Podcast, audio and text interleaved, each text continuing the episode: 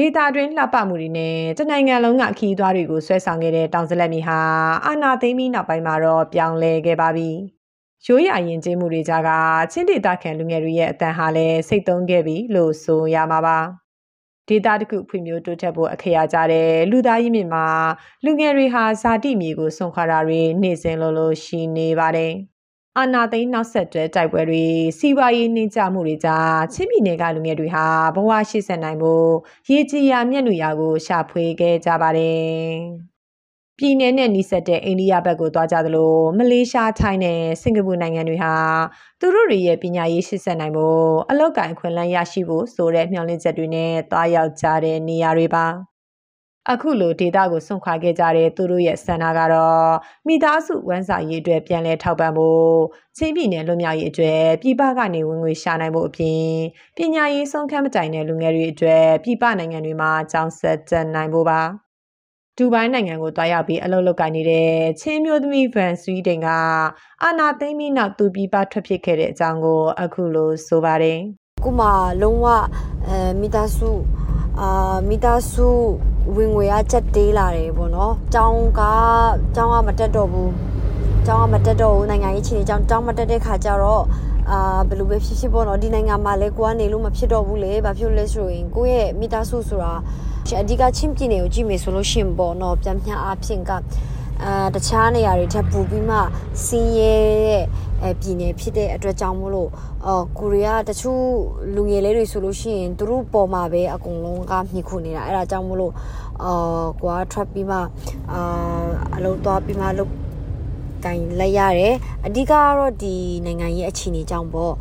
ဘယ်လိုပဲပြောပြောကျမကိုယ်တိုင်ကလည်းကြောင်းတက်နေတယ်ပေါ့နော်ဒါပေမဲ့ဒီနိုင်ငံရေးတာကောင်းနေတယ်ဆိုလို့ရှိရင်တော့အဲဆက်တက်မှာပဲလေဆက်တက်မယ် ဒါပေမဲ့မကောင်း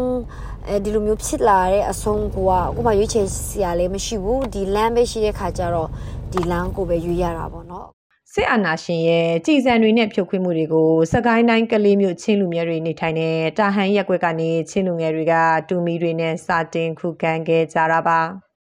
အာနာသိမ့်ပြီး3လအကြာမှာပဲခုခံတော်လန်စစ်ကိုအစောဆုံးစတင်ခဲ့ကြတာဖြစ်ပြီး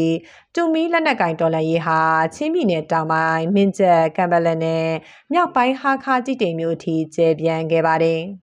အာနာသိန်းကာလနှစ်နှစ်ကျော်ကြာလာတာနဲ့အမျှနိုင်ငံရေးမတည်ငြိမ်မှုတွေကြားမှာပဲချင်းလူငယ်တွေအတွက်ပြည်ပထွက်ဖို့ဟာတခုတည်းသောရွေးချယ်မှုဖြစ်ခဲ့ပါတယ်။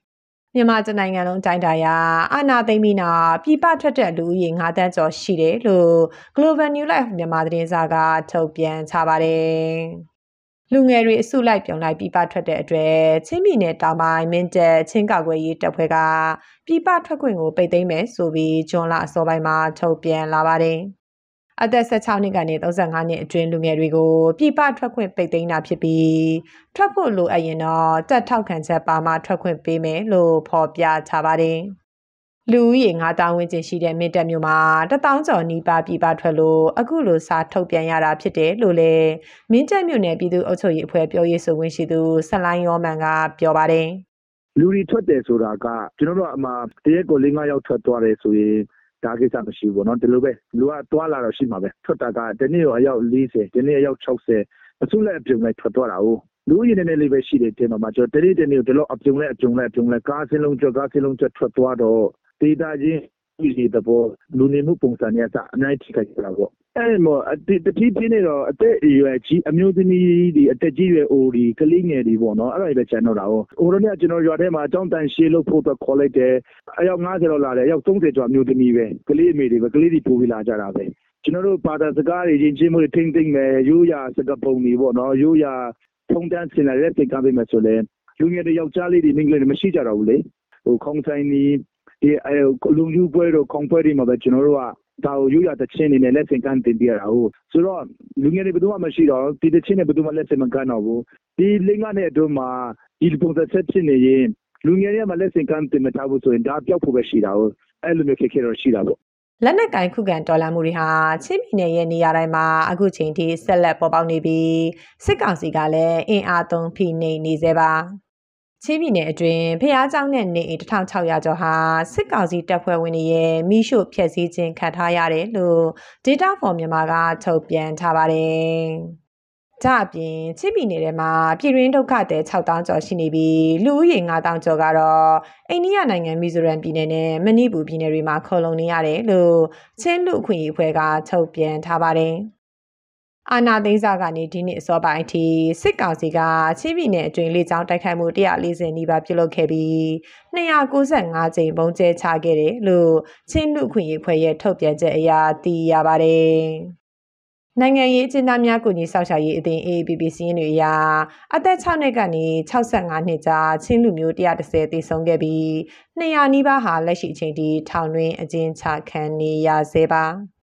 ဒီလိုအခြေအနေတွေကြားကနေတချိန်ကစိမ့်နှန်းဆိုပြေလှပခဲ့မှုတဲ့တောင်တန်းဒေသဟာစစ်အာဏာရှင်ကိုတော်လှန်နေရတဲ့ခြားမှာပဲမိသားစုထမင်းဝိုင်းတွေဟာလည်းလူမစုံတော့ပါဘူး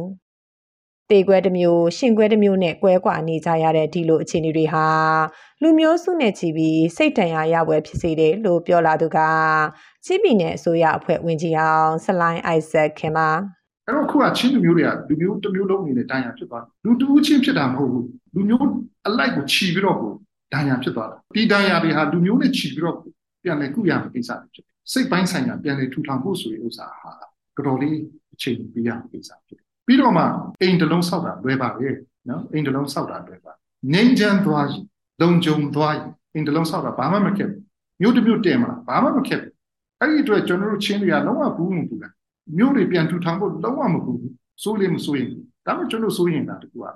ကျွန်တော်ချင်းလူမျိုးတွေရဲ့ collective trauma စစ်တပ်နဲ့ဆိုင်တဲ့မျိုးလူမျိုးတွေကဘယ်လိုဖြည့်ရှင်းမှာလဲအဲ့ဒါတွေကိုကျွန်တော်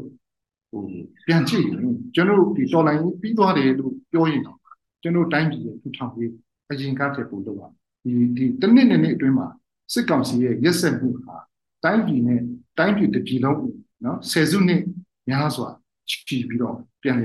ည်ဥစားမယ်အနေထားမျိုးဖြစ်တယ်ပေါ့နော်ချင်းပြည်နယ်ဟာလက်ရှိအချိန်ထိစစ်အုပ်ချုပ်ရေးကြီးညာခံထားရပြီးမနေ့6နာရီရက်နေ့ညနေ6နာရီအတွင်းလူ9ဦးထက်ပိုမဆိုရဘူးဆိုတဲ့ကန့်သက်ချက်တွေရှိနေတာပါကြအပြင်မြို့နယ်ကိုမြို့နယ်ရှိတဲ့ချင်းပြည်နယ်အတွင်းမှာမြို့တော်ဟာခါကလွယ်ပြီးကျန်တဲ့ရှိမြို့နယ်ကိုအင်တာနက်ဖြတ်တောက်ထားပါတယ်။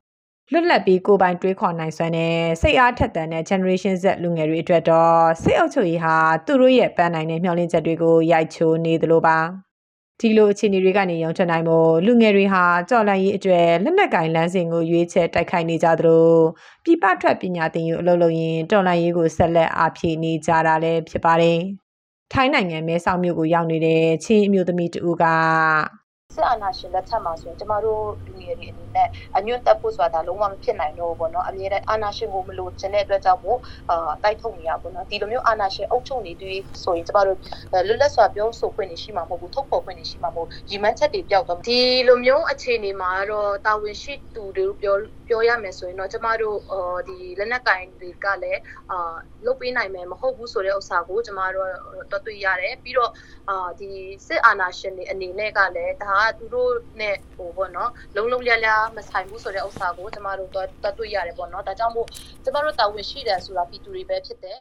ချင်းပြည်နယ်ဟာအယက်သားအစိုးရလက်ထက်ဒီမိုကရေစီစနစ်အောက်မှာတဘာဝခီးသွွားလုပ်ငန်းတွေလမ်းပန်းဆက်သွယ်ရေးအတွက်လျင်ဝင်းဆောက်လုပ်တာတွေနဲ့ဒေသဖွံ့ဖြိုးရေးအတွက်တာဆူခဲ့ချိန်မှာပဲအာဏာသိမ်းမှုနဲ့ရင်ဆိုင်ခဲ့ရတာပါလက်ရှိစစ်အာဏာရှင်လက်ထက်မှာတော့တမိုင်းဝင်အမွေနဲ့ပျက်စီးဆုံးရှုံးမှုတွေနဲ့အတူ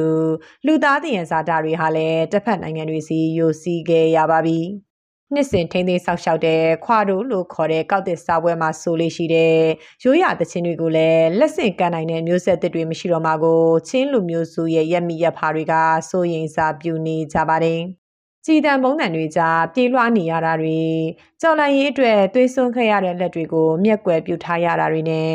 အမှောင်ခစ်တဲ့လမ်းပြောက်နေရတဲ့ဘဝတွေအတွက်လူငယ်တွေကတော့ဆက်လက်ကြိုက်ပွဲဝင်နေကြဆဲပါ အကြောင်းကြောင့်ကြောင့်မိသားစုနဲ့ချက်မြုပ်ဇာတိကိုကြောခိုင်းခဲ့ရတဲ့လူငယ်တွေရှိနေပေမဲ့လည်းရိုးရာရင်ကျေးမှုတွေရှင်သန်ခဲ့တဲ့မြေကိုစွန့်ပစ်သွားမှာမဟုတ်ဘူးလို့ဆလိုင်းအိုက်ဆက်ခင်ကယုံကြည်ပါတယ်။ကိုနေတဲ့နိုင်ငံစွန့်ခွာတော့တခြားကိုရောက်သွားပြီမဲ့ဒီလူတွေဟာကိုယ့်ရဲ့ identity ပေါ့ကိုယ့်ရဲ့ဝိသေသကိုလွယ်လွယ်ကူကူစွန့်ပစ်စွန့်ခွာသွားမယ်ဒီလိုတော့ရှာကိုယ့်ရဲ့စကားကိုယ့်ရဲ့အဝိစာကိုယ့်ရဲ့ကိုယ့်ရဲ့ဘာသာကိုယ့်ရဲ့ယဉ်ကျေးမှုဒလိထုံးစံ အဲ့ဒါတွေသူတို့ရှိတဲ့နေရာမှာသူထိန်ထိန်သွားကြတယ်ထိန်သွားကြဘာလို့သူတို့ကထွက်တဲ့ခါမှာပျော်ပျော်ပါးပါးနဲ့ထွက်သွားတာမဟုတ်နာကျင်စွာနဲ့ထွက်သွားကြတယ်ကျွန်တော်တို့ကရှင်ကြံခဲ့ရေးဆိုတဲ့ကိစ္စကနီးလန်းဆောင်စဉ်းစားပါမြန်မာပြည်မှာဒီလူမျိုးမလုံခြုံတာတော့ဘူးဆိုလို့ရှိရင်လုံခြုံတဲ့နေရာဘယ်လိုသွားကြဘယ်လိုရက်တည်ကြဆိုတဲ့ကိစ္စရှိတယ်ပေါ့နော်နော်လူမျိုးကုန်မသွားဖို့ဒါလည်းနီးလန်းပေါင်းစုံတယ်ဖျားကတော့ညံပေးနေတာစစ်ကောင်စီကိုဥညွတ်စီယာမလိုဘဲနဲ့ ကိုယ့်ရဲ့လူမျိုးကိုယ့်ရဲ့ဝိသေသ identity ကိုထိန်းနိုင်တယ်ထိန်းသိမ်းစောင့်ရှောက်နိုင်တယ်နီလန်ဒါတော့ဘုရားပြီးနေတာတောင်စလက်နဲ့ချယ်ရီတွေပွင့်ရာတိမ်ပင်လေကြားကချစ်တောင်တန်းတွေရဲ့အနာဂတ်ကျဲပွင့်တွေဟာအဝေးတနေရာမှာသာကြောက်ပါလို့နေပါတယ် တိတ်ဆိတ်နေခဲ့ပြီဖြစ်တဲ့ဒေတာတွင်ရိုးရာကောက်တဲ့စာပွဲနဲ့ခရစ်စမတ်လိုအချိန်မျိုးတွေမှာငင်းချဲမှုတွေကြားအရင်လိုလူငယ်တွေပျော်ရွှင်ကခုန်နေကြမဲ့နေ့ရက်တွေပြင်ရဖို့ကိုပဲဒေတာခံတွေကမျှော်လင့်တောင်းတနေကြတာပါဒီသတင်းဆောင်မကိုတန်လင်ခက်ကပေးပို့ထားတာဖြစ်ပါတယ်